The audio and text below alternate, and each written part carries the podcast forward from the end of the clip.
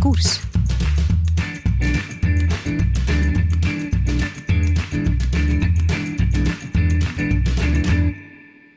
Hij werd geboren in het jaar waarin alle computers en vliegtuigen zouden crashen, 2000. Maar dat gebeurde gelukkig niet en enkele maanden later, onder het sterrenbeeld van de stier, zag hij het levenslicht in een ziekenhuis in Jette.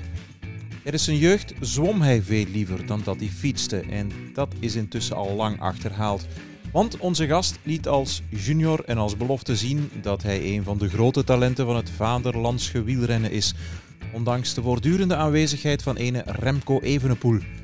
Zijn grote doorbraak kwam er in 2019 toen hij derde werd in de Ronde van de Toekomst. Lotto Soudal greep naast het klimmen tijdrittalent omdat Team Sunweb hem een warmer gevoel en vooral een beter plan voor de toekomst gaf. Maak kennis met een blonde jonge wolf met helblauwe ogen die luistert naar de naam Ilan van Wilder. Ilan van Wilder, ik wil heel graag met jou eens teruggaan naar, uh, naar je jeugdjaren eigenlijk. Is het, uh, want ik heb gelezen, zwemmen heb je ook gedaan. Hè? Wat was eigenlijk de eerste hobby die, uh, die je beoefend hebt, de eerste sport? Ja, eigenlijk de eerste sport dat ik heb gedaan, dat was rond mijn vijf jaar, ben ik beginnen zwemmen. In de Dolfijnenclub noemden we dat toen. Internat was dat. Ja, ik deed dat heel graag. Je daar leren zwemmen en dan verder ja, uitgebouwd naar uh, competitiezwemmen eigenlijk. Ja, om den duur was dat niet meer haalbaar, omdat dat heel veel trainingen waren. Ja, ik was jong toen, dus ik kon er nooit zelf geraken en mijn ouders moesten mij wegdoen. Maar mijn ouders die werkten elke dag uh, vrij laat, dus uh, ik raakte niet naar de trainingen. Dus ja, ik ben eigenlijk rond mijn 14, 15 jaar daarmee gestopt.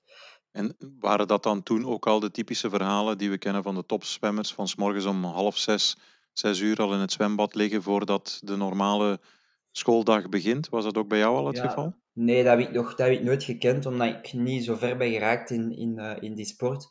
Uh, gewoon al omdat ja, in de fase dat ik naar competitie ging gaan, was het voor mij al echt moeilijk om gewoon drie keer per week te gaan trainen of zo. Want dat waren altijd moeilijke uren voor mijn ouders. Ik heb nooit gekend dat ik uh, heel vroeg in het zwembad moest duiken of zo. Of echt heel veel moest trainen, heb ik nooit gekend. En is dan meteen het fietsen gevolgd na dat zwemmen? Ja, ik was van mijn negen jaar was ik al ingeschreven bij de plaatselijke weerploeg in Merchtem, bij Notus Brabant. Maar dat was eigenlijk puur voor plezier, gewoon uh, één keer in de week of zo, of twee keer in de week gewoon gaan fietsen. Ja, dat was heel plezant, maar ik wou nooit competitie doen, want ik was eigenlijk, eerlijk gezegd, was ik niet, niet zo heel goed fietsen. Uh, ik had het moeilijk om te volgen op training. Dus uh, ik zag mezelf totaal geen competitie doen. En, ah, ja. Dan, ja. en dat had dan vooral te maken met het nog uh, niet volgroeid zijn van, van het jongenslichaam? Of had dat ja, met andere factoren te maken? Ja, ik denk dat, dat het dat is de reden. Maar ook gewoon, ja... Ik begon het leuker en leuker te vinden. En dan automatisch gaat je meer en meer fietsen. En dan ja, word je beter en beter. En het afscheid nemen van dat zwemmen, hè? want je zegt ook... Ja, ik heb dat bijzonder graag gedaan.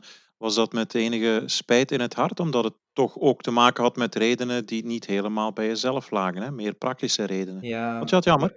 Ja, ik heb, ik heb dat gedaan tot mijn 14 jaar. Dus ik heb eigenlijk 14, 15 jaar, ik heb eigenlijk een paar jaar wielrennen en uh, zwemmen gecombineerd. Ja, dat was, dat was toen al eigenlijk geen competitie meer, dat was meer recreatief. Maar om de duur is dat gewoon ja, uit de boot gevallen, zeg maar, en is wielrennen op plaats ingekomen. Wanneer heb jij dan voor het eerst echt gemerkt van, ja, dat fietsen, dat, dat gaat me beter en beter af. Uh, misschien zit hier wel iets in.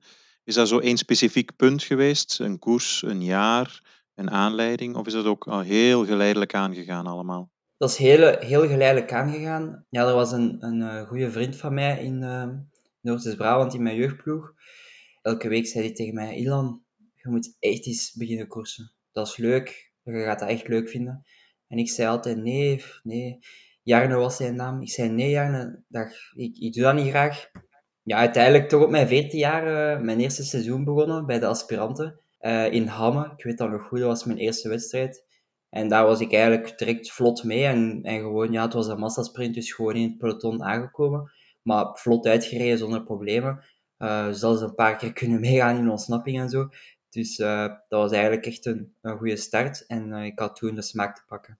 Dus toen ben je het wel gaan leuk vinden, want ja, de manier waarop je het zo vertelt van een vriend die, eh, die port en zegt kom meedoen, ja nee, het interesseert mij eigenlijk helemaal niet. Zij wel straf hè? Ja, dat is, dat is heel straf. Maar ja, ik, ik ben er uiteindelijk toch aan begonnen en dan sinds die dag ben ik nooit meer gestopt en uh, heb ik elke week wedstrijden gereden.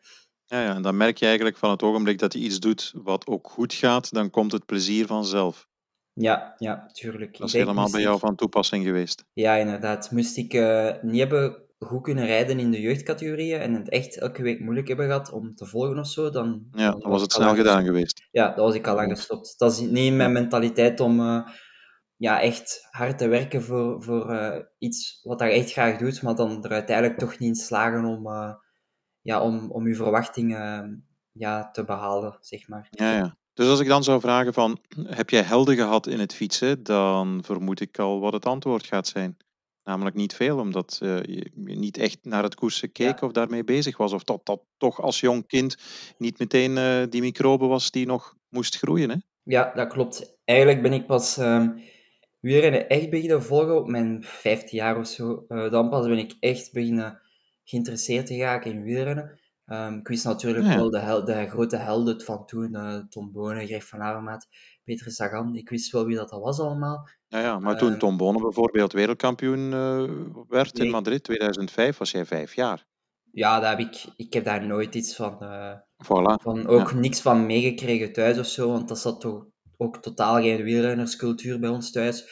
Ja, mijn papa die volgde dat wel, maar dat was ook niet dat hij daar zot van was. Dat was meer een voetballist. Van op afstand. Ja, inderdaad. Dus ja, er was eigenlijk niet, niet echt veel, uh, heel veel interesse toen in het wielrennen. Heb je helden gehad, bijvoorbeeld in, in muziek of in andere sporten? Nee, ik heb nooit echt een, een idool gehad eigenlijk, waar dat ik naar keek. Ja. Nee, nooit ja. En hoe komt dat? Heb je daar een idee van?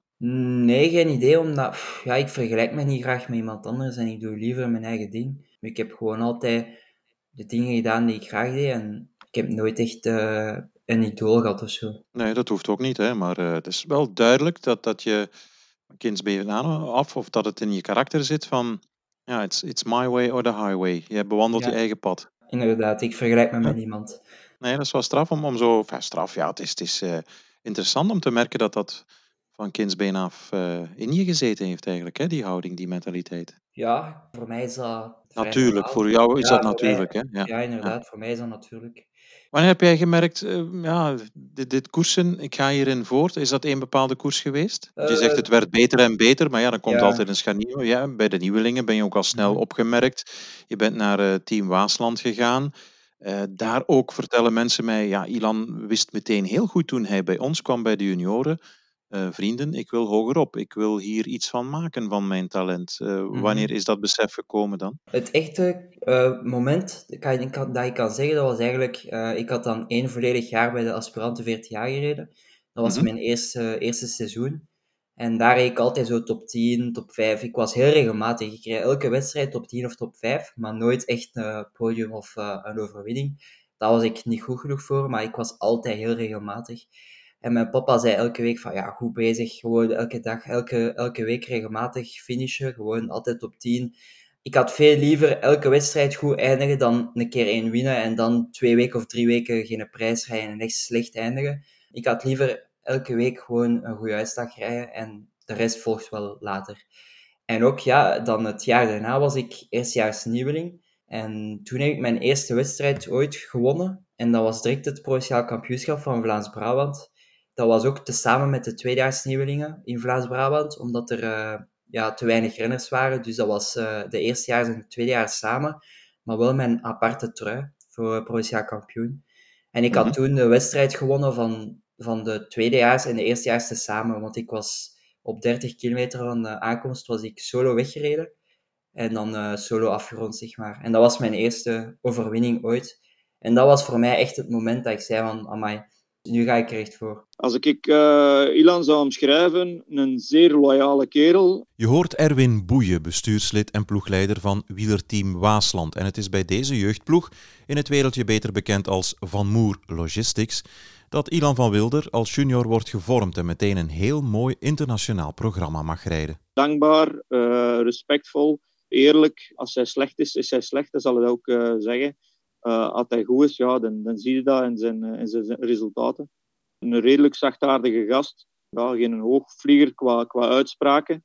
Maar vooral een dankbare voor de, voor de mensen die iets doen. Er is die wel... Uh, nu, nu, allee, die zit nu op een, op een hoog niveau te fietsen, maar van de week heb ik hem nog aan een telefoon gehad over de stage Ginter in, in Spanje. Die, is, die, is, die heeft zeker geen capsones. En ik ben iemand dat echt... Um, ik moet mij goed voelen bij een gesprek en bij een persoon. En dan pas maak ik uh, een beslissing op uh, een bepaald team of zo.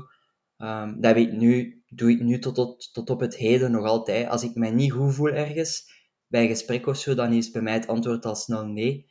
Dus ik moet me echt heel goed voelen en heel comfortabel. En ik vertrouw echt mijn buikgevoel daarop.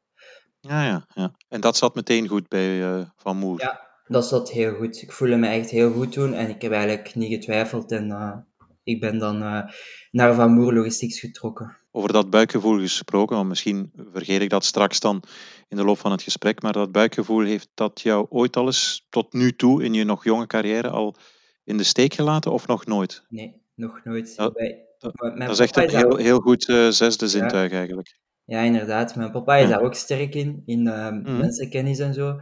Ik denk dat ik dat van hem een beetje heb uh, ja, meegekregen. Ja, ik zit er dikwijls een keer op, op mensenkennis en zo.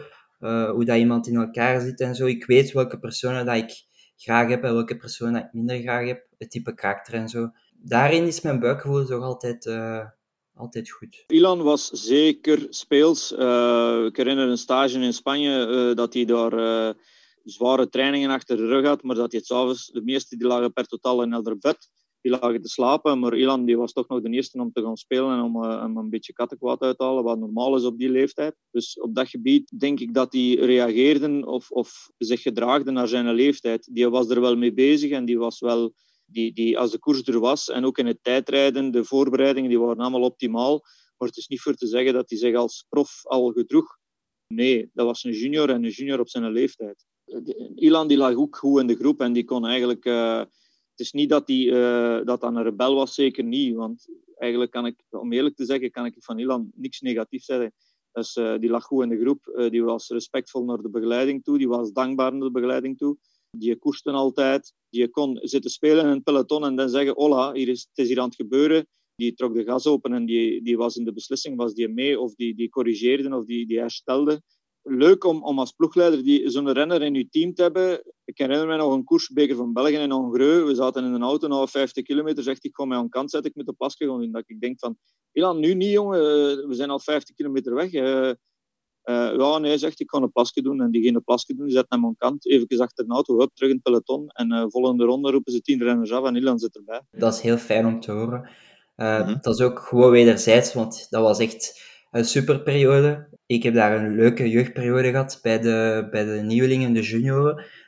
En uh, ik ga dat nooit vergeten, wat dat ik daar allemaal heb meegemaakt. En dat heeft mij zeker geholpen in mijn ontwikkeling als renner. Ja, geef daar eens een concreet voorbeeld van. Ja, gewoon, je wordt, je, je wordt professioneler in de manier van werken. Uh, de begeleiding was top. Uh, je gaat op stage.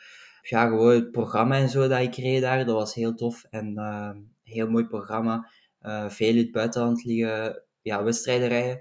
Ja, dat was eigenlijk echt een, een topploeg om daar te ontwikkelen als renner. En toen eigenlijk ook al heel professioneel, want een voorbeeldje, was er een tijdrit, dan had het team een aantal wielen en tuben, maar dan ging je altijd controleren of er geen slag zat in het wiel, of de tuben wel de goede kilo's hadden en, en de hardheid en zo.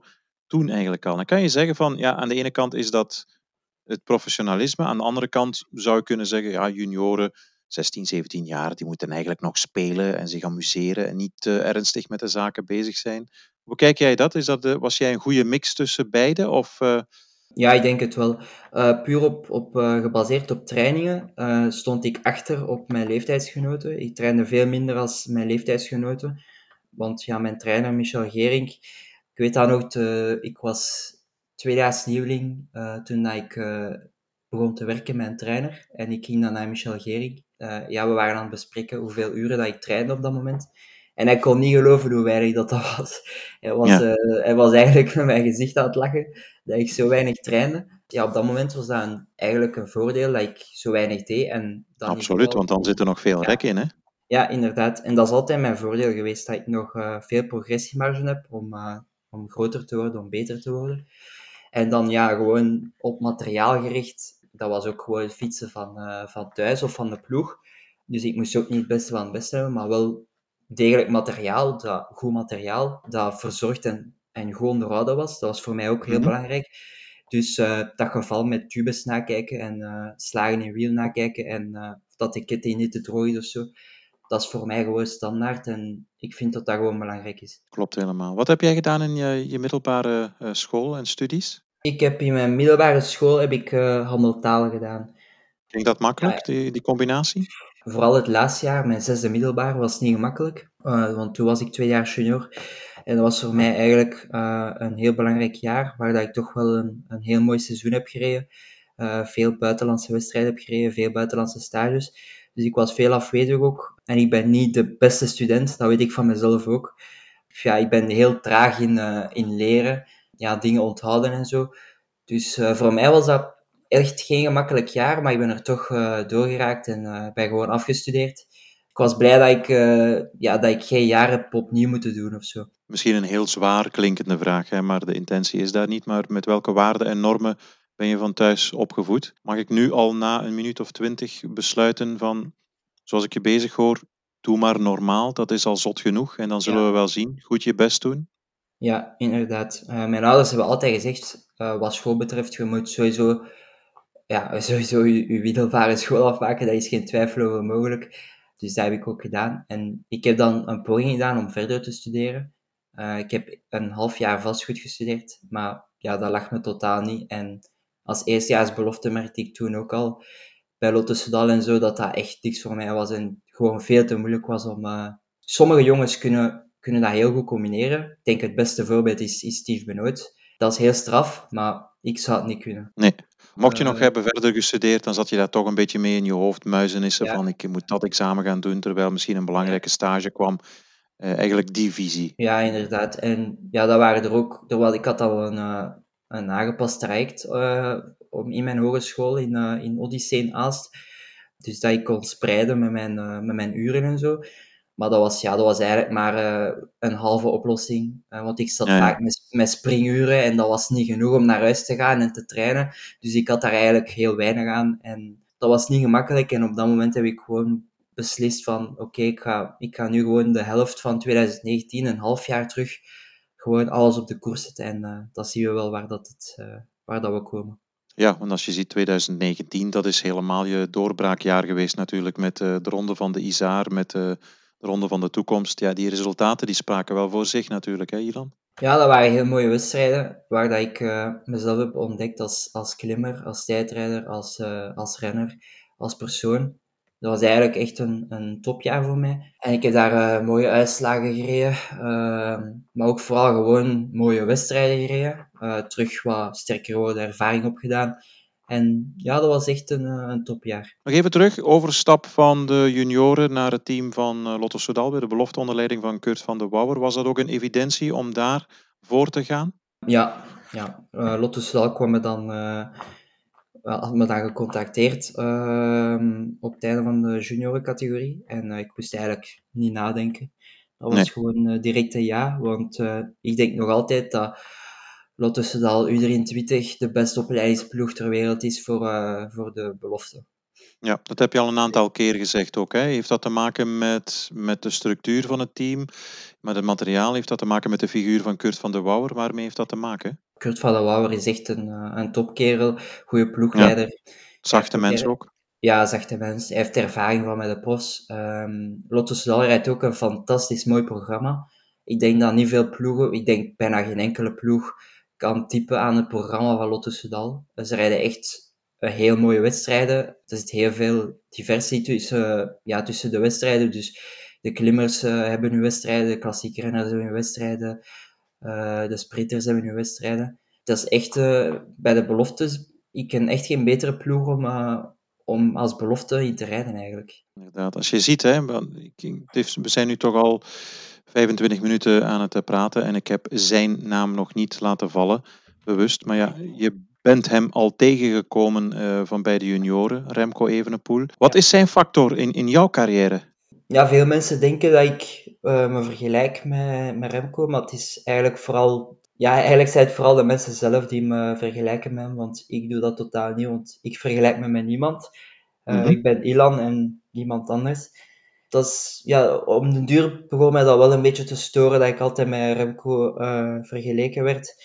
En ook, ja, dan zeggen veel mensen van, ja, moest Remco er niet geweest zijn, dan, uh, dan was jij de man in, uh, in 2018, dan had jij alle koersen gewonnen, dan werd jij Europees kampioen tijdrijden. Maar ja, dat is als, als, als. Dat, dat was tweemaal zo. Er was één renner dat sterker was dan mij. En ik had daar totaal geen probleem mee, want ik ben daar zelf ook sterker van geworden. Ik heb gewoon mijn ding kunnen doen in de schaduw. Ik heb uh, nooit in de schijnwerpers, schijnwerpers gestaan. Mhm. Dus ik, uh, ik ben altijd rustig kunnen blijven groeien. En ik vond dat totaal geen nadeel. Ik denk Ilan die heeft vooral uh, mentale weerbaarheid getoond, omdat hij constant zijn eigen koers is blijven rijden. zat hij uiteindelijk in de kopgroep met Remco erbij, ja, dan was dat eigenlijk koersen. En ja, als Remco de betere of de sterke, sterkste was, dan was dat ook zo. Uh, ik herinner een koersje. Um, was, allee, Remco die was uh, weggeslagen door pech- en valpartijen. En dan heeft Ilan zijn eigen koers blijven rijden. En Ilan die wint in het begin van het jaar een koersje. Die heeft altijd zijn eigen koers wel blijven rijden. En ik denk in de nationale selecties dat die twee gasten wel goed overeenkwamen. Ik heb er als ploegleider nooit niet echt problemen mee gezien omdat hij zijn eigen neerslachtig voelde of dat hij zijn eigen, ja, als Remco aan de start stond, dat hij te neergeslagen was. Nee, dat zit hij hey, tijd om te koersen, tijd om oorlog te maken. En Remco was een, een hele goede compaan om mee oorlog te maken in de koersen. Bij de junioren dan uh, in dat jaar, in 2018, dan dacht ik daar ook regelmatig eens aan van... Uh, ja, in mijn eigen geval verdomme, moest Remco er niet zijn geweest, dan had ik dit jaar tien koersen gewonnen, of, of meer zelfs. En dan was ik drie keer kampioen geweest. Maar ja, daar, koopt je niks mee. Dat ik denk niet dat dat een invloed zou hebben gehad op mijn verdere carrière. Want uh, ja, bij de belofte was Remco dan uh, prof. En dan was ik belofte, dus Remco was niet meer uh, bij, bij mijn concurrenten. En nu bij de profs, ja, bij de profs, uiteindelijk, ik wist wel dat we elkaar terug gingen tegenkomen, vroeg of laat. Ja, voor mij maakt dat echt totaal niet uit. Ik vind dat we gewoon als Belgen moeten appreciëren dat we zo'n goede renners hebben, zo'n goede talenten. En niemand moeten vergelijken en iedereen zijn ding moeten laten doen. Ja. Aan welke koers onthoud jij uh, of bewaar je de beste herinneringen? Is dat de Isaar? Is dat de Vredeskoers? Is dat toch de ronde eh, van de toekomst waarin je derde bent geëindigd? Ja, mijn beste, mijn beste herinnering dat is uh, de ronde van de toekomst. Maar ook toch mm-hmm. de koninginrit van uh, de Vredeskoers die ik heb gewonnen. Ja, die win je voor uh, Jean Poussin, hè, die nu bij AG2R ja. zit. Hè? Ja, inderdaad. Dat was een hele zware rit. Ook Akels bergop, um, een hele lange beklimming. En we bleven over met, uh, ja, met vier of vijf renners. Uh, Mauri zat daarbij, Andreas Leknesund, Jean Poussin en ik. Dus uh, we, waren, ja, we waren nog maar met vier renners. Ja, uiteindelijk was de laatste kilometer daar. Mauri en ik hadden het eigenlijk perfect gespeeld. Mauri had aangevallen, alles of niets. En dan moesten zij achter Mauri springen en dan bleef ik zitten. En dan op uh, eh, 300 meter uh, ben ik dan aangegaan. Ja, en heb ik eigenlijk de sprintberg opgewonnen. En dat was voor mij ook een speciaal moment, want ik had eigenlijk nog nooit in mijn leven echt een, een finale kunnen winnen. Ik won altijd alleen in de jeugd. Ik won altijd solo of zo. Maar nu was het echt een keer in een, in een sprintberg op. Dus dat was voor mij wel uh, een heel leuk moment. Ja, goed. Laat mij eens de vraag stellen die je vaak is gesteld. En je hebt daar ook al heel vaak hetzelfde antwoord op gegeven. Maar dan komt eigenlijk het aanbod van Team Sunweb. En dan staat eigenlijk wielerminnend Vlaanderen, België op zijn achterste poten. Wat bijvoorbeeld ook het geval is geweest bij Stan de Wulf, nu zijn overgang naar AG2R. Maar als we, tussen aanhalingstekens, dan een Belgisch talent hebben, een toptalent zoals Ilan van Wilder, dan blijft hij niet bij Lotto Soudal en dan gaat hij naar eh, de Nederlanders. Nu, laat mij het al voor jou zeggen. Je hebt al een paar keer gezegd, kijk, die eerste kennismaking, het plan ook vooral dat uh, Iwan Spekenbrink aan mij heeft voorgesteld bij Team Sunweb, dat sprak mij meteen aan. Je hebt ook al gezegd in dit gesprek, ja, ik moet ergens mijn buikgevoel volgen waar ik mij goed voel.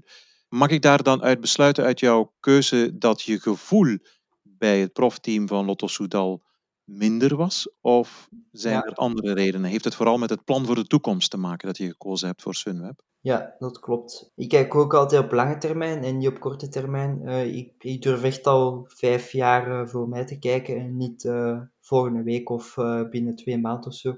Ik kijk altijd veel verder voor mij. Ja, bij het gesprek bij, bij Lotus had ik een iets minder gevoel en was er naar mijn kant, naar mijn gevoel, minder interesse voor mij. En wat wie kwam dan, heel concreet, wie kwam dan van Lotto bij jou? Was dat uh, John Lelange al? Was dat Mark Sergeant nog? Dat was John Lelange, samen met Mark Sergeant en Kurt van der Wouwer.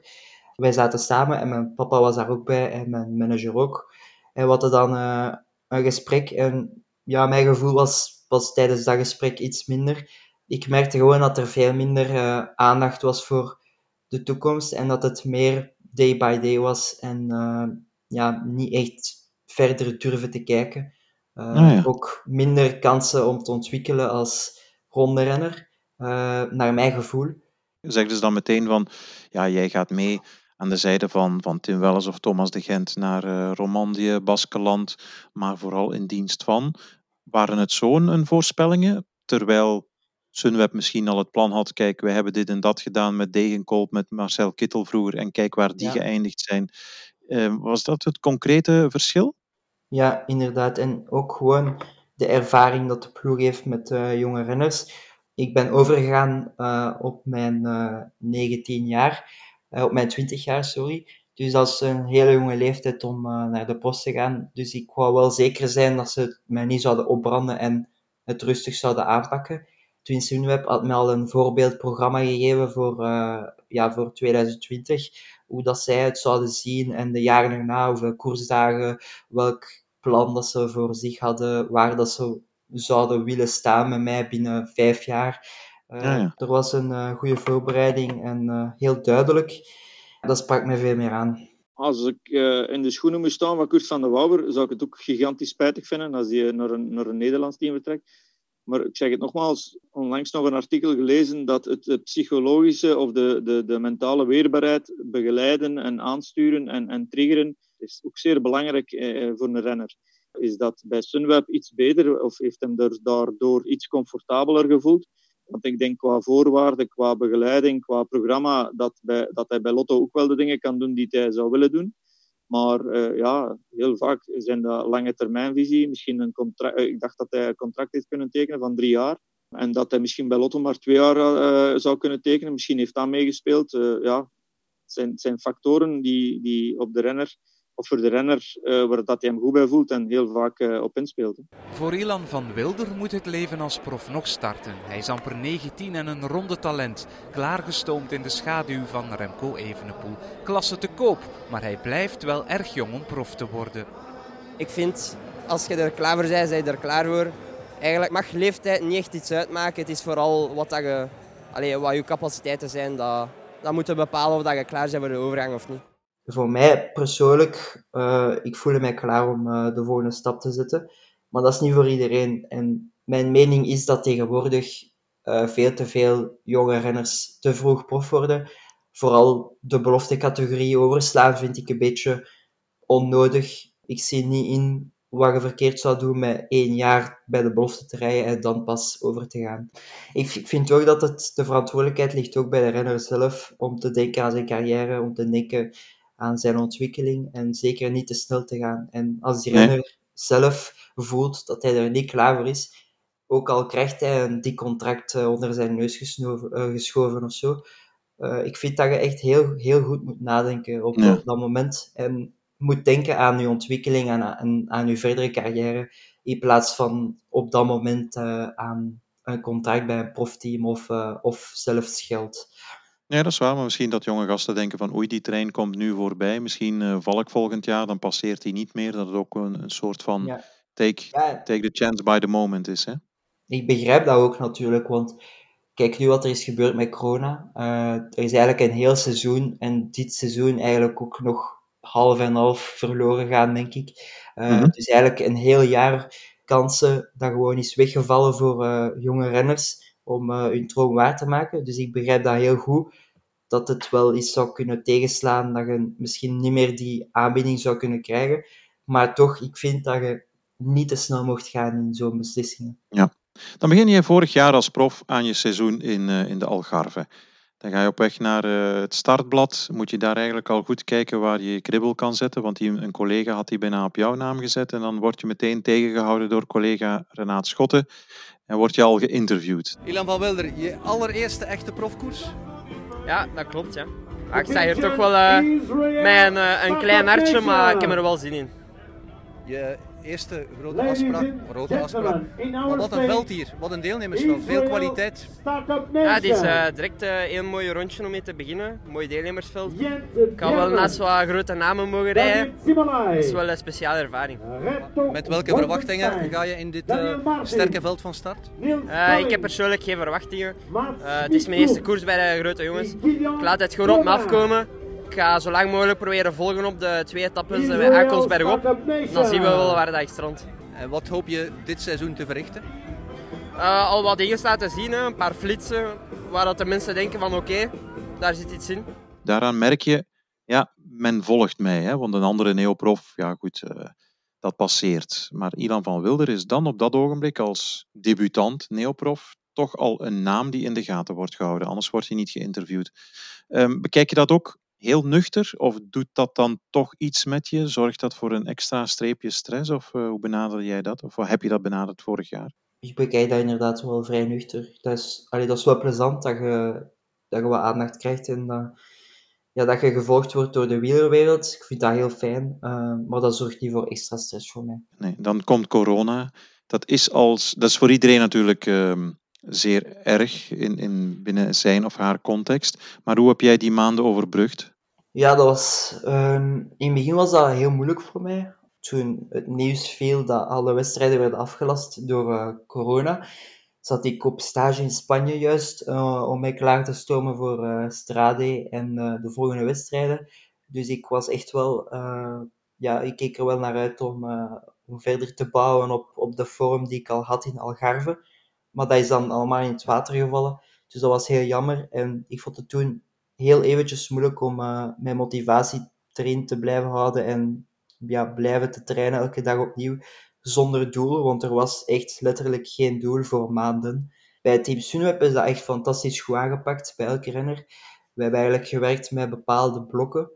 En dat waren blokken van uh, twee, drie weken. Dan was er een onderhoudsfase waar dat er uh, rustige basistraining werd uitgevoerd om het lichaam wat uh, rust te gunnen. En dan gingen we naar de basisfase. Daar werden ja, iets wat langere duurtrainingen uitgevoerd. Dat was ook een fase van twee weken. Dan een intensievere fase, dat was ook een fase van twee weken. Daar werd er al wat meer intensiteit in gebracht, een paar blokken. En dan was er een focusblok van één week en een half, waar dat je eigenlijk elke dag bijna uitgeperst werd. En echt elke dag uh, hard ging trainen en uh, veel uh, specifieke wedstrijdsblokken deed op basis van je werkpunten. Voor mij was dat dan mijn sprint en, en mijn punch. Maar mm -hmm. ook vooral je goede waardes blijven hoog houden. Dus die lange waardes, die tijdritblokken, daar heb ik ook veel op liggen trainen tijdens de corona. Dus ik heb, uh, ik heb eigenlijk mijn motivatie door die trainingsperiodes goed kunnen volhouden. Omdat ik altijd wel iets had om naar uit te kijken. Gewoon, ook na mijn focusblok had ik dan drie, vier dagen uh, platte rust dat ik eigenlijk vrij had.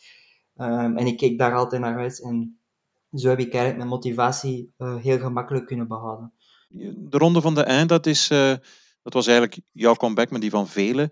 Wat vond je daar zelf persoonlijk van? Want als ik dat van op een afstand bekeek vorig jaar, daar is gigantisch hard gekoerst tussen de Roglic, de Bernals van deze wereld. En ja, dat leek mij eigenlijk geen cadeau. Ook al eindig je daar als vijfde in, in, die, in dat jeugdklassement. Jeugd, uh, achter onder meer Almeida, die nadien nog uh, geschitterd heeft in het Giro natuurlijk. Maar ja, was dat niet een beetje te zwaar? Of hoe heb je dat ervaren?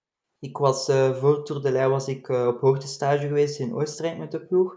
Dus ik kwam uh, ook terug van hoogtestage. Dus dat was ook een beetje afwachten hoe dat mijn lichaam uh, daarop ging reageren. En het was inderdaad een verschrikkelijk, verschrikkelijk zware wedstrijd. Uh, met eigenlijk tourniveau. alle renners die de Tour de France gingen rijden waren daar. Dus dat was een super zware wedstrijd. maar een, ook een hele mooie wedstrijd. Ik denk dat ik in de, in de eerste bergrit was ik vrij dicht geëindigd tussen de favorieten. dus dat was voor mij ook wel een rit dat ik, uh, ja, dat ik heel leuk vond en waar dat ik eigenlijk mezelf ook een beetje heb verrast. Maar ik denk dat ik daar ook wel een beetje te diep ben gegaan. En de dag erna was ik niet genoeg hersteld en heb ik daar wel uh, uh, heel hard afgezien en een beetje een terugslag gehad van de dag ervoor. Ook door de warmte. Het was 40 graden in die wedstrijd. Dus het herstel was ook veel moeilijker. En ook mijn eerste wedstrijd sinds maanden. Dus ik had geen wedstrijdsritme. Dat was een goed moment, gevolgd door een, uh, een slecht moment voor mezelf. Uh, een heel zwaar moment, maar uh, we zijn er sterker van geworden. Dat is het voornaamste. Ja. Je had het net over hoogtestage. Hoe reageer jij erop op hoogte? Goed? Ik reageer er wel goed op. Ja. Ook tijdens de hoogtestage zelf heb ik geen klachten of zo. Of blijft mijn zuurstofniveau vrij hoog in mijn bloed. Dus uh, dat is ook wel goed. En ik pas mij heel snel aan aan, uh, aan de hoogte. Dus uh, ik denk dat dat op termijn wel een, interessante, ja, een interessante trainingsmethode kan zijn voor in topvorm te komen. Ja, ja. Dan tussendoor eigenlijk in het midden van het seizoen zeg maar, komt dat Europees kampioenschap daar bij de belofte tijdrijden. Sta je op het podium voor bijvoorbeeld een, een Tom Pitcock. Dat was, dat was lekker hè? Ja, dat was een, uh, een hele goede tijdrit van mij. Ook niet alleen de uitslag, maar ook gewoon de, de tijdrit zelf. Uh, dat was de beste tijdrit van mijn leven. Ik had de stress heel goed onder controle. Ik stond eigenlijk uh, met niet veel stress aan de start. Ik was op mijn gemak. Ik kon goed in mijn houding blijven. Ik heb de tijdrit perfect ingedeeld. Mijn bochten waren perfect, mijn lijnen waren perfect. Mijn gevoel was heel goed. mijn vermogen was het hoogste dat ik ooit heb getrapt in een tijdrit. Dus uh, alles was gewoon perfect die dag. Alles liep fantastisch goed. De grootste ontgoocheling van vorig jaar, ja, de Vuelta, vermoed ik. También confirmamos el abandono del dorsal 47 van Wilder. In de bevoorrading geeft onze landgenoot en toptalent Ilan van Wilder op met knieproblemen. Hij was de jongste renner aan de start en hoopte op een goed eindklassement. Wat is daar gebeurd, uh, Ilan? Want ja, rit nummer 1, opgave met kniepijn. Leg het eerst zelf eens uit. Wat, wat is er eigenlijk gebeurd? Ik had eigenlijk al uh, uh, een tijdje voor de Vuelta sukkel ik al een, uh, een tijdje met mijn knie aan de pees. en ik heb dan ja, samen met de ploeg overlegd wat we gingen doen. En wat er dan besproken om toch te proberen de Vuelta te rijden. Mm-hmm. maar ik voelde eigenlijk al snel dat, ja, dat dat een verloren zaak was en dat dat niet ging lukken. Uh, ik wou het niks forceren. Uh, ik wou het zeker niet erger maken met de toog op volgend jaar. Dus uh, ik heb dan heel, heel snel beslist om, om er de prooi te geven. Ja, want dat was eigenlijk wel was een heel mooi project. Het waren vijf debutanten, denk ik, vijf jonge gasten die voor het team naar de Vuelta gingen met, met drie jongens die wel ooit al eens een grote ronde gereden hadden, maar de rest niet. Dus het was alleen maar leren, leren, leren. Je keek er enorm naar uit, samen met bijvoorbeeld Tijmen Arendsman die dan wel een, een goede Vuelta heeft kunnen rijden. Ik voelde wel al iets. Is het dan ja, de topsporter in jou die gezegd heeft, we zullen het toch maar proberen? Heeft de ploeg jou te weinig afgeraden om te gaan? Of uh, waarom ben je dan toch gegaan, ondanks pijn? Omdat we, we zaten ook wel een beetje in een, uh, in een, in een crisis van, uh, van, ja, van het aantal renners dat we nog over hadden voor reserves. -hmm. Omdat het, uh, het was een heel raar seizoen op dat moment. de Ronde van Vlaanderen moest nog komen. Er waren jongens uit de Tour kwamen dat heel veel hadden gereden. Ja, ook met de, met de Giro dat ook bezig was. Dus dat was echt heel moeilijk. Heel veel jongens waren aan het, aan het, aan het rijden. En er waren ook al een paar jongens zoals Hirschi dat hun off-season al hadden ingezet, omdat ze een heel druk programma hadden gereden. Dan ook een paar gekwetste, een paar zieken. Dus wat eigenlijk gewoon niemand over om, uh, om mij te vervangen. Ja, ja. Uh, dus dan hebben we het onderling uh, besloten om het toch te proberen, te gaan, te starten. En misschien dat het nog zou beteren met wat opvolging van de arts en de, en de fysio ter plaatse. Ja, te vergeefs. Ja, hoe groot is die ontgoocheling geweest? Ja, vrij groot. Ja. Uh, mentaal, mentaal was dat toch wel uh, niet zo leuk voor mij. Mm -hmm. Ja, dat kan ik volledig staat... begrijpen. Bijvoorbeeld, ja. Ja, ik heb hem al genoemd, een, een Tijmen Arendsman bijvoorbeeld. Generatiegenoot van jou, ook al is hij een jaar eerder geboren, maar in de maand december, dus zoveel schelen jullie niet. Maar die rijdt dan een geweldige Vuelta als debutant, een paar keer ja. Ja, finales aan de zijde en, en tegen Tim Welles.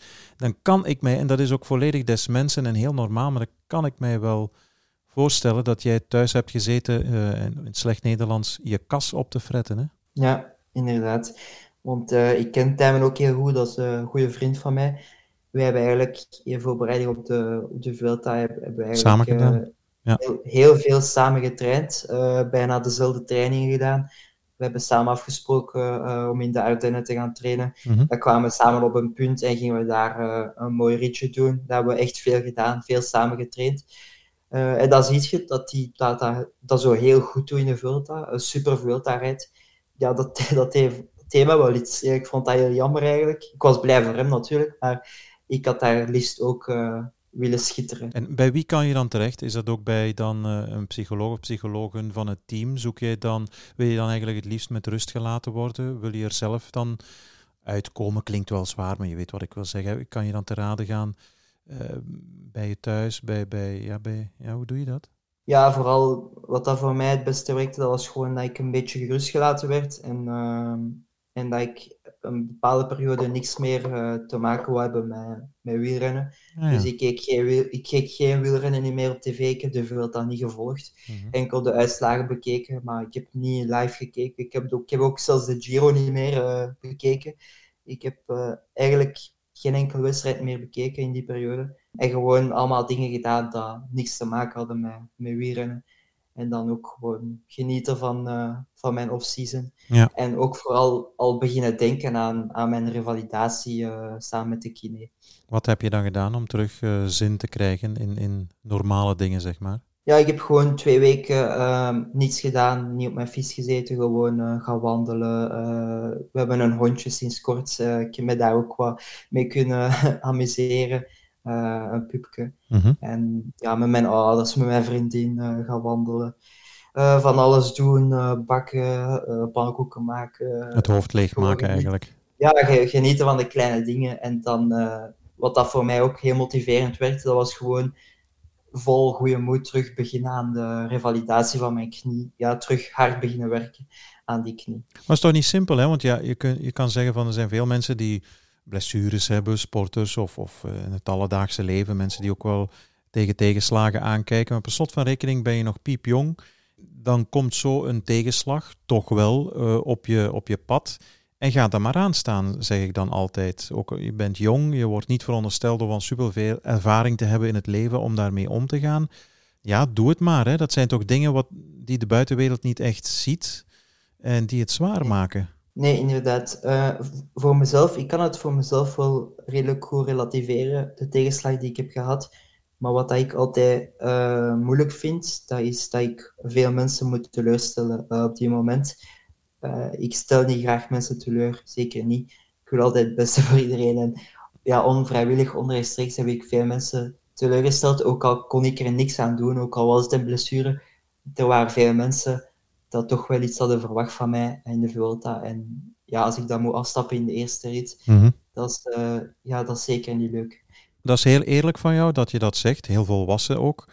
Het feit dat jij dit nu al herkent, namelijk ik had er moeite mee om niet te kunnen voldoen aan verwachtingen van de buitenwereld, daar zal je dan toch, denk ik, op verloop van termijn moeten uh, proberen komaf mee te maken en toch meer aan jezelf gaan denken dan aan anderen, hoe moeilijk het ook is. Hè? Ja, inderdaad. Ja, ik denk dat ik dat ook wel uh, zou moeten doen.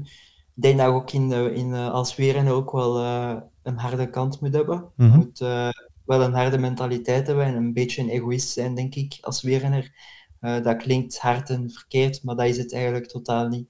Dat is gewoon hoe dat wielrenners in elkaar steken. Maar mijn karakter is jammer genoeg compleet het tegenovergestelde. Mhm. Dus uh, ik ga dat af en toe wel eens moeten doen en wat meer aan mezelf denken en iets harder zijn. Ja, en proberen op de juiste momenten een, het woord begint met een kleur en eindigt op een zak te zijn, op bepaalde momenten om jezelf daar ja. tegen te wapenen. Ja, inderdaad. Dus, ja, ik ben dat liever, ik ben dat natuurlijk liever niet, maar ja soms, uh, zoals ik al zeg, soms moet je echt als weer een hard zijn en, uh, en echt een egoïst zijn om, om het ver te schoppen. Wat zijn dit seizoen 2021 je doelen, Ilan? Waar kijk je naar uit? Wat staat op de planning dat je zegt van, hmm, daar heb ik wel zin in? Ik heb nu, vooral heb ik nu, ga ik starten in uh, Oudvaar, 19 tot 21 februari. Ik vertrek volgende week op stage voor het laatste trainingsblok en dan ga ik mijn seizoen beginnen in Noordvaar. En dan rijd ik eigenlijk heel weinig. Ik rijd eigenlijk niets in uh, maart. Dus uh, dat, hebben ze, dat was vooraf, voor de wedstrijden werden afgelast, was dat ook al voorzien. Ja, ja. Om mij wat tijd te gunnen, nog altijd voor mijn knie. We zijn op de goede weg. ik heb geen pijn meer op training. Maar nu is het vooral belangrijk om die knie te versterken, om in de toekomst zeker die blessure niet nog eens te krijgen daar heb ik zeker nog heel veel tijd voor, voor uh, daar verder aan te werken. En dan zal ik in april echt beginnen met intensief te koersen, zoals ja, Brabantse pijl, Waalse pijl, Romandie, Dauphiné. Dus ik heb zeker een heel mooi programma en ik kijk er heel erg naar uit. Ja, ja. Je echte eerste grote ronde die komt eraan dit seizoen dan ook, normaal gezien? Normaal gezien wel, maar denk nog altijd... Ja, te, ja, dat hangt er nog altijd vanaf hoe dat, hoe dat corona gaat uh, ontwikkelen. Absoluut. Uh, of dat alles gaat doorgaan, want je weet nooit wat er kan gebeuren. Uh, van de ene dag op de andere kan er van alles gebeuren, dus dat kan ik niet 100% zeker zeggen. Maar uh, ja, ik hoop dat natuurlijk wel. Ja, wat vind je het mooiste truitje dat van dit jaar? DSM of Sunweb? Een beetje de oude Peugeot-kleuren van vroeger, zeg maar. Zwart-wit. Wat, vond, wat vind je zelf het leukste? Ik ga eerlijk zijn, uh, in het begin vond ik het niet zo fantastisch mooi. Uh, mm -hmm. Omdat het een aanpassing is. Want we komen van heel lichte kleuren naar heel donkere kleuren. Ja. dus het is een volledige omkeer. wij hebben eigenlijk in een jaar waar dat de economie op zijn, ja, op zijn gat ligt, zeg maar, hebben we eigenlijk een nieuwe sponsor, nieuwe kleren, nieuwe voeding, nieuwe naam, nieuwe auto, nieuwe fietsen. Eigenlijk alles is compleet veranderd. Dus uh, even toch zeggen dat dat respect verdient naar uh, de ploegleiding van Team DSM, mm -hmm. in mijn ogen. Absoluut. Uh, de truitjes nu vind ik, vind ik eigenlijk heel mooi. Ik vind, ze met, ik, ik vind ze met de dag mooier. Ja, ja het, het doet terugdenken aan Team Sky, zeggen veel mensen van bij het begin. Ja. Strakke lijn, donker. En toch uh, een, een, blauw accentje erbij. Het, is wel, uh, het geeft wel, het is wel een, een, duwtje voor het moreel, denk ik, als je op die fiets zit in, in, in zo'n pak, toch?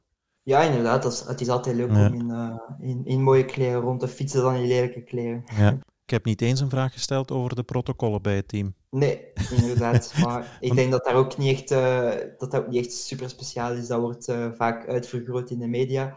Dat lijkt heel streng en dat lijkt heel heel vreemd of uh, ja, een soort van dictatuur bij Team DSM, maar dat is het totaal niet. Nee, mij lijkt het gewoon ja, wat afspraken zijn in andere teams, waar de ploegleider ja. heel snel zegt van voor het podium, jongens, zet eens even je zonnebril op. Dat staat bij jullie gewoon in Dropbox, kan je een pdfje bekijken ja. en, en dat is het, het, enige verschil, dat het iets gestructureerd, of misschien feller gestructureerder is, maar ja, dat is, ja, ja, je hebt gelijk, dat is misschien te fel opgeklopt het is, het is nog altijd je werkgever en ja. uh, iedereen, iedereen heeft regels op zijn werk. Ik, ga, ik denk dat niemand kan zeggen dat hij geen regels heeft op zijn werk. Iedereen heeft regels op zijn werk. En dat is waar. In een wielerploeg, in een wielerploeg is dat hetzelfde. Langs de andere kant hebben we wel gezien, Ilan, en dat zijn mannen van voor jouw generatie, Edouard Teuns, Dumoulin, ook de ouderen, Berthe Bakker, die passen dan na verloop van tijd minder in dat frame. Hè? Het, het lijkt vooral te ja. passen voor, voor jonge gasten. Ja, dat kan ik wel geloven. Uh, het, is, het is niet voor iedereen weggelegd. Uh, veel renners uh, houden er niet van, maar ook veel renners houden er wel van, ja. van de structuur. Het is ook wel wat dat bij u als persoon past, of dat jij ermee kunt omgaan, dat er veel regeltjes zijn. En langs de andere kant, veel regeltjes is ook goede structuur, goede ontwikkeling. Je wordt beter als renner. Ja, als ik ouder ga worden, ik weet ook niet hoe dat ik dat ga aanvoelen. Dat kan ik nu totaal niet zeggen, want ik ben nog heel jong. Uh, maar dat zullen we op die moment wel zien. Heb eens een glazen bol en kijk over tien jaar in die bol. Waar staat Ilan van Wilder dan als renner? Waar zou je in optimale omstandigheden willen staan als je terugkijkt en zegt van, nou, leuke carrière gehad? Ja, ik zou, ik zou zeker wel uh, willen uitgegroeid zijn tot een ronde-renner. Ik zeg niet dat ik een Grand Tour zou winnen, maar ik zou toch wel altijd willen meedoen voor de prijzen. Mm -hmm. Dat is uh, mijn, mijn doel. Ja, ik wil gewoon ontwikkelen in klimmen, tijdrijden. Ik wil gewoon een goede ronde worden. Uh, in de klassementswedstrijden altijd goed klassement kunnen rijden. Misschien, uh, misschien eens winnen. maar ja, dat is, dat is zoals gezegd een glazen bol. ik heb die jammer genoeg niet. Dus nee, nee, maar als je kijkt naar, naar de geschiedenis van winnaars van grote rondes eh, noem ze maar op, van Hino, Anquetil, Merckx over uh, Indurain. Mannen konden en bergop rijden en tijdrijden. En wat kan jij? Ja. Ook beide. Dus je hebt twee wapens, ja. twee van de drie wapens in huis, ja, waarmee je toch wel naar een oorlog kan gaan de komende jaren. Ja, tuurlijk, tuurlijk. Uh, dat, is, dat is inderdaad, dat hoort samen als rondrenner, tijdrijden en klimmen. Dat is heel belangrijk. En, en ja, voorspellingen doen, dat heeft weinig zin, want ja, die, daar word je mm -hmm. misschien later opgepakt. Maar dat stille stemmetje in je hoofd zegt dat, denkt dat aan een Dauphiné, aan een Baskeland, Catalonië. Denkt hij ook ja. aan een grote, grote ronde van drie weken. Wat een Theo Gegenhardt kan of een Jay Hindley, dat moet, uh, moet ik, Ilan van Wilder, ook kunnen wanneer ik 5, 26 ben? Ik, ik denk het wel. Ja. Ik denk het wel. Ik, ik, zie, ik zie wel potentieel in mezelf en uh, ik heb ook wel uh, vertrouwen in mezelf dat, dat ik wel dat niveau kan halen. Maar je weet nooit wat er kan gebeuren in een aantal jaren. Maar ik hoop natuurlijk wel dat ik op dat niveau kan, kan staan. -hmm. We gaan stilaan afronden. Het verschil tussen het, het, jonge kereltje, Ilan van Wilder, die moest worden aangeport door zijn vriend destijds van kom toch mee fietsen, die het nog niet zo super graag deed, tot vandaag de professionele wielrenner. Wat is het verschil tussen, tussen beide personen? Blijft natuurlijk dezelfde persoon, maar welke weg heeft hij afgelegd? Als persoon denk ik ook uh, veel gegroeid. Ik heb veel meer zelfvertrouwen in mezelf. Al denk ik dat dat wel nog altijd beter kan. Maar dat wordt wel elk jaar beter en beter ben gewoon gegroeid als mens en gewoon ook als, als atleet. Niet, niet enkel als renner, maar gewoon als atleet zelf ben ik beter geworden. Dus ik heb wel een positieve evolutie doorgemaakt tot nu toe. Ja. Beschrijf eens waarom je dit zo graag doet, dit vak. Wat, wat is je, je passie, het plezier dat je uit het fietsen haalt? Ja, dat betekent gewoon genieten van, uh, van de wedstrijden die je kunt rijden. En als je dan uh, een goede uitslag rijdt of een wedstrijd wint of uh, ergens goed eindigt, dus zo die kick dat je krijgt, daarvoor doe ik het. Dat is, dat is altijd immens fijn. Tot slot, als jongen van in de buurt van Brussel, in de omgeving, Anderlecht, vroeger supporter of een andere club of niks van het voetbal? RWDM misschien? Nee, nee, nee. Niks. Ik, ik, volg, geen, ik volg geen Belgisch voetbal, dus ik, kan, ja. ik heb geen, ik heb geen ploeg of zo in België dat ik, dat ik volg. Ah, nee. In, in andere landen misschien? Of nee, Ajax in Nederland? ja, nee ja, en, uh, ja ik, ik, volg wel een beetje Barcelona. Mm. Uh, maar ik ben wel wat teleurgesteld de laatste Absoluut, tijd. Absoluut, ja. Ze, ze doen het eigenlijk heel, uh, heel slecht, zeg maar. Dus de ploeg die ze vroeger hadden was toch indrukwekkend. En nu zijn ze zo aan het afdwalen van, van de standaard die ze hadden vroeger. Mm. Dat is wel jammer. Maar ja, ik blijf ze toch, toch volgen. Ja. En, Ooit geweest in Camp Nou? Nee, nog nooit. Maar ik ben wel van plan om er eens naar, naartoe te gaan. Nou, voilà. Als je misschien eens een vrije dag hebt na de ronde van Catalonië in de buurt bent, wie weet. Ja, inderdaad, wie weet. Voilà, ik vond het een, een heel fijn gesprek. We hebben dat coronaproof gedaan via de laptop. Dat kan tegenwoordig in deze moderne tijden, maar toch...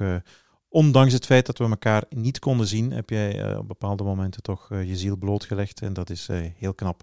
Dankjewel, fijn dat je dit wou doen. En we wensen jou natuurlijk ook namens Sporza en alle luisteraars bijzonder veel succes in dit nieuwe seizoen 2021. Dankjewel, Ilan van Wilder. Dankjewel, graag gedaan.